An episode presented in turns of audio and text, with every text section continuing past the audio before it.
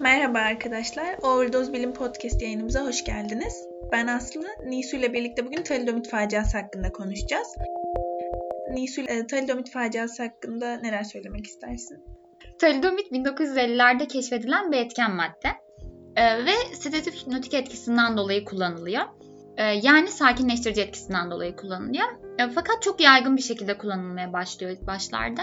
Çünkü diğer e, sedatif ilaçlara göre yani diğer sakinleştirici ilaçlara göre e, talidomit bağımlılık yapmıyor. Yüksek dozda ölüme neden olmuyor. Bu da doktorların çok daha sık yazmasına neden oluyor. Fakat zamanla görülüyor ki e, talidomit kullanan gebelerin e, bebekleri yapısal bozukluklarla doğuyorlar. Mesela ne tarz bozukluklar oluyor? Ee, bu bozukluklara fokomeli deniyor aslında. Ya şimdi fokomeli şöyle bir şey. Foko, fok balığından geliyor. Melos da uzuv demek. Bunların birleşiminde zaten fokomeli oluyor. Ve çocuklar yani bebekler e, fok balığına benzeyen yüzgeçlerle doğuyorlar. Yani kolları yerine yüzgeçle doğuyorlar. Ya bu gerçekten resimlerine falan baktığımızda ciddi anlamda korkunç görüntüler ortaya çıkıyor. Kesinlikle. Bunun üzerine de zaten ilaç piyasadan çekiliyor. Aslında bunun gibi başka vakalar da var. Mesela sülfenilamid vakası var. Sülfenilamid vakasında da şöyle bir durum vardı. İlacı tablet ve toz şeklinde üretilmişti. Ancak şurup şeklinde de e, üretmeye yani ticari kaygılar sebebiyle biraz şurup şeklinde de üretmeye başladı firma. Ve bunun üzerine e, kullanılan yardımcı maddeyle birlikte toksik e, vakalar elde edildi. Kullanan kişilerde %30'luk bir oranda böbrek yetmezliği e, yüzünden ölüm vakaları görüldü. Onun dışında doğan çocuklarda aynı şekilde doğumsal defektler görüldü. Yani baktığımızda e, bir talidomit kadar e, büyük bir facia. Büyük bir facia. Yani bunda örnek verebiliriz ona. Aslında bu da bize gösteriyor ki yani her etken maddeyi her formülasyonla hastaya veremeyiz. Bu da gerçekten çok dikkat etmemiz gereken bir şey diye düşünüyoruz. Tekrardan talidomite dönecek olursak talidomit bir Batı Alman firmasının ilacı. O dönemde zaten 2. Dünya Savaşı'ndan çıkan Almanya, Batı Almanya ve Doğu Almanya diye ikiye ayrılıyor. E, savaş sonrasında da haliyle sosyoekonomik düzen bozuk. Batı Almanya'nın haricinde Japonya, İngiltere, Kanada, Avustralya ve bunun gibi pek çok ülkede de bu ilaç yaygın bir şekilde kullanılıyor. Her ülkede yani farklı ticari isimlerle ortaya çıkıyor zaten. Tabi bunların hepsinin etken maddesi talidomit. O dönemde çok da sık olmayan yasal düzenlemeler e, olduğu için talidomite dair tek bir çalışmayla e, direkt bu şekilde piyasada kullanılmaya başlanılmıştı. Aslında baktığımızda bu kadar az bir çalışmayla bir ilacın hamilelere kadar verilmesi çok tehlikeli ve trajik bir durum. Diğer sedatiflere göre başta da söylediğimiz gibi aşırı dozda ölüm ve bağımlılık yapma gibi etkilerinin olmaması nedeniyle zaten çok yaygın bir şekilde kullanılıyor. Ve işte tüketim giderek artıyor. Batı Almanya'da da zaten en çok tercih edilen uyku hapı olduğunu belirtmiştik. O kadar çok artıyor ki e, talidomitin üretimi. Mesela 1957 yılında 33 kilogram kadar bir üretim varken yasaklandığı yıl olan 1961 yılında 11 bin kilograma kadar ulaşıyor. Yani bu rakamların ne kadar yüksek olduğunu doz olarak hesaplandığında 1000 kilogramın 20 milyon teratojenik doza eşit olduğunu e, düşünürsek daha iyi anlamış oluruz. Dr. Lenz 1961 yılında bir pediatri kongresinde fokomeli vakalarıyla talidomit arasında bir ilişki kuruyor.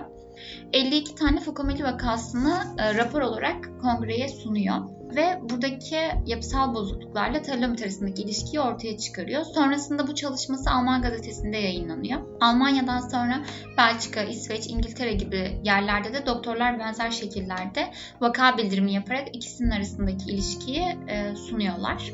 Bu yaygın kullanımın devam etmesiyle 5000 bebek Almanya'da deformiteyle doğuyor zaten. Sonrasında da hepimizin bildiği gibi davalar açılmaya başlıyor. Talidomit üreticilerine karşı pek çok dava açılıyor. Batı Almanya'da bir firmaya ve 9 çalışanına karşı cinayet ve ihmal suçlamaları yapılıyor bu davayla. Ve firma hayatta kalanlara karşı 30 e, milyon dolarlık bir e, tazminat ödemek zorunda kalıyor. Kaç çocuğa veriliyor bu meblağ yaklaşık? 2000 çocuğa 30 milyon dolarlık tazminat ödemek zorunda kalıyorlar. Ee, ki biz bundan çok daha fazla sayıda çocuğun etkilendiğini biliyoruz zaten. Aynen. Hatta dünyadaki tüm etkilenen bebek sayısının 7 bin ile 10 bin arasında olduğu söyleniyor. Fakat ölü doğan bebekler ya da düşük planları da düşündüğümüzde bu sayının çok çok daha fazla olduğu aşikar. Aslında şu an talidomit hala günümüzde kullanılıyor. Talidomitin piyasaya dönüşü de ilginç. Sen bize bununla ilgili birkaç bir şey ekle istersen. Ee, aynen dediğin gibi talidomid şu an hala kullanımda. Buna 1964 yılında İsrailli Dr. Jacob önce oluyor. Talidomid'i cüzam hastalarının ağrılarını, şikayetlerini gidermek açısından kullanıyor. Ve daha sonra yaptığı, e, denediği hastalarda ağrı ve ateşle ilgili bulguların yok olduğunu, yaralarının iyileştiğini görüyor. Hasta talidomid kullandığı sürece de yani şikayetleri olmuyor. Daha sonra hastanın semptomlarını gideriyor. Talidomid 1998 yılında FDA tarafından cüzdan hastalığının tedavisi için onay alıyor. Hatta daha sonra 2006 yılında multiple myeloma tedavisi için onay alıyor. Aslında e, burada FDA'yı de birazcık açacak olursak FDA nasıl bir otorite? FDA ilaçların ve gıdaların yasal düzenlemelerini yapan, günümüzde de hala geçerliliği bulunan bir yasal kurum. Ancak hala e, gebelerin ilacı kullanmasında çok sıkı kısıtlamalar olması gerekiyor. Yani sonuç olarak talidomid uzun yıllar sonra farklı hastalıklarda kullanılmak üzere piyasaya tekrardan döndü. E, bununla beraber aslında talidomid faciasında baktığımızda sadece deney hayvanlar üzerinde yapılan preklinik çalışmalar dışında diğer kemirgen hayvanlarda, tavşanlarda, onun gibi memeli hayvanlar üzerinde gerekli toksikolojik testlerin yapılması da zorunlu hale getirildi artık.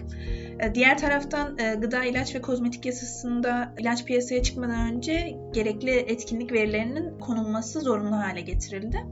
Benzer şekilde Avrupa'da da belirli ilaç mevzuatlarının gelişimi sağlandı. 1968'de Dünya Sağlık Örgütü farmakovijilans etkinliklerini uluslararası bir niteliğe büründürdü. Aslında sonuç itibariyle baktığımızda böyle bir facia gerekli yasal düzenlemelerin oluşturulmasını sağladı. İşin en ilginç tarafı şu, talidomid Türkiye'ye hiç girmiyor. Bunun için de yani girmemesini sağlayan kişi Ankara Üniversitesi Tıp Fakültesi Farmakoloji Kürsüsü'nden Profesör Doktor Şükrü Kaymakçalan. Hocamız gerekli testlerin yapılmadığını, bu yüzden de öngöremediğimiz yan etkilerinin olabileceğini söylüyor. Ve Sağlık Bakanlığı'nın da hocamızı dikkate almasıyla ilaca ruhsat verilmiyor. Çok güzel bir şey bu yüzden baktığımızda. aynen gerçekten çok güzel bir şey ve hani e, gerçekten böyle bilim insanlarının dinlenilmesi de bizim için çok umut Kesinlikle. verici bir şey. Bu yüzden dünyada birçok kişiyi etkileyen ilaç Türkiye'ye e, herhangi bir şekilde klinik çalışma için dahi girmiyor.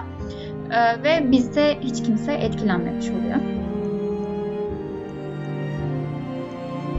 Aslında Amerika'da da böyle bir durum var bildiğim kadarıyla. Amerika'da şöyle bir farklılık var. Amerika'da da Doktor Kelsey e, tıpkı bizdeki işte Şükrü Kaymak Çalan gibi yüksek e, şüphelere sahip, yeteri kadar testin yapılamadığını söylüyor. Fakat Amerika'daki bazı hekimler yani aslında bazı demek de biraz az oluyor. 1267 hekim tarafından e, bu ilaç deneniyor, klinik çalışmalara sokuluyor ve bu klinik çalışmalardan dolayı da Amerika'da da yine vaka sayılarını biz görüyoruz. Ama her şeye rağmen Doktor Kelsey Amerika'da çok daha büyük bir facianın yaşanmasını önlüyor. Biz de buradan hocamız Şükrü Kaymakçalan ve Doktor Kelsey'e çok teşekkür ediyoruz. Çünkü dünyada yaşanan faciadan çok çok daha büyük bir facianın yaşanmasını önlediler. Ee, buradan sonuç olarak baktığımızda gerekli tedbirleri aldığımızda aslında bazı faciaların önüne geçebildiğimizi görüyoruz.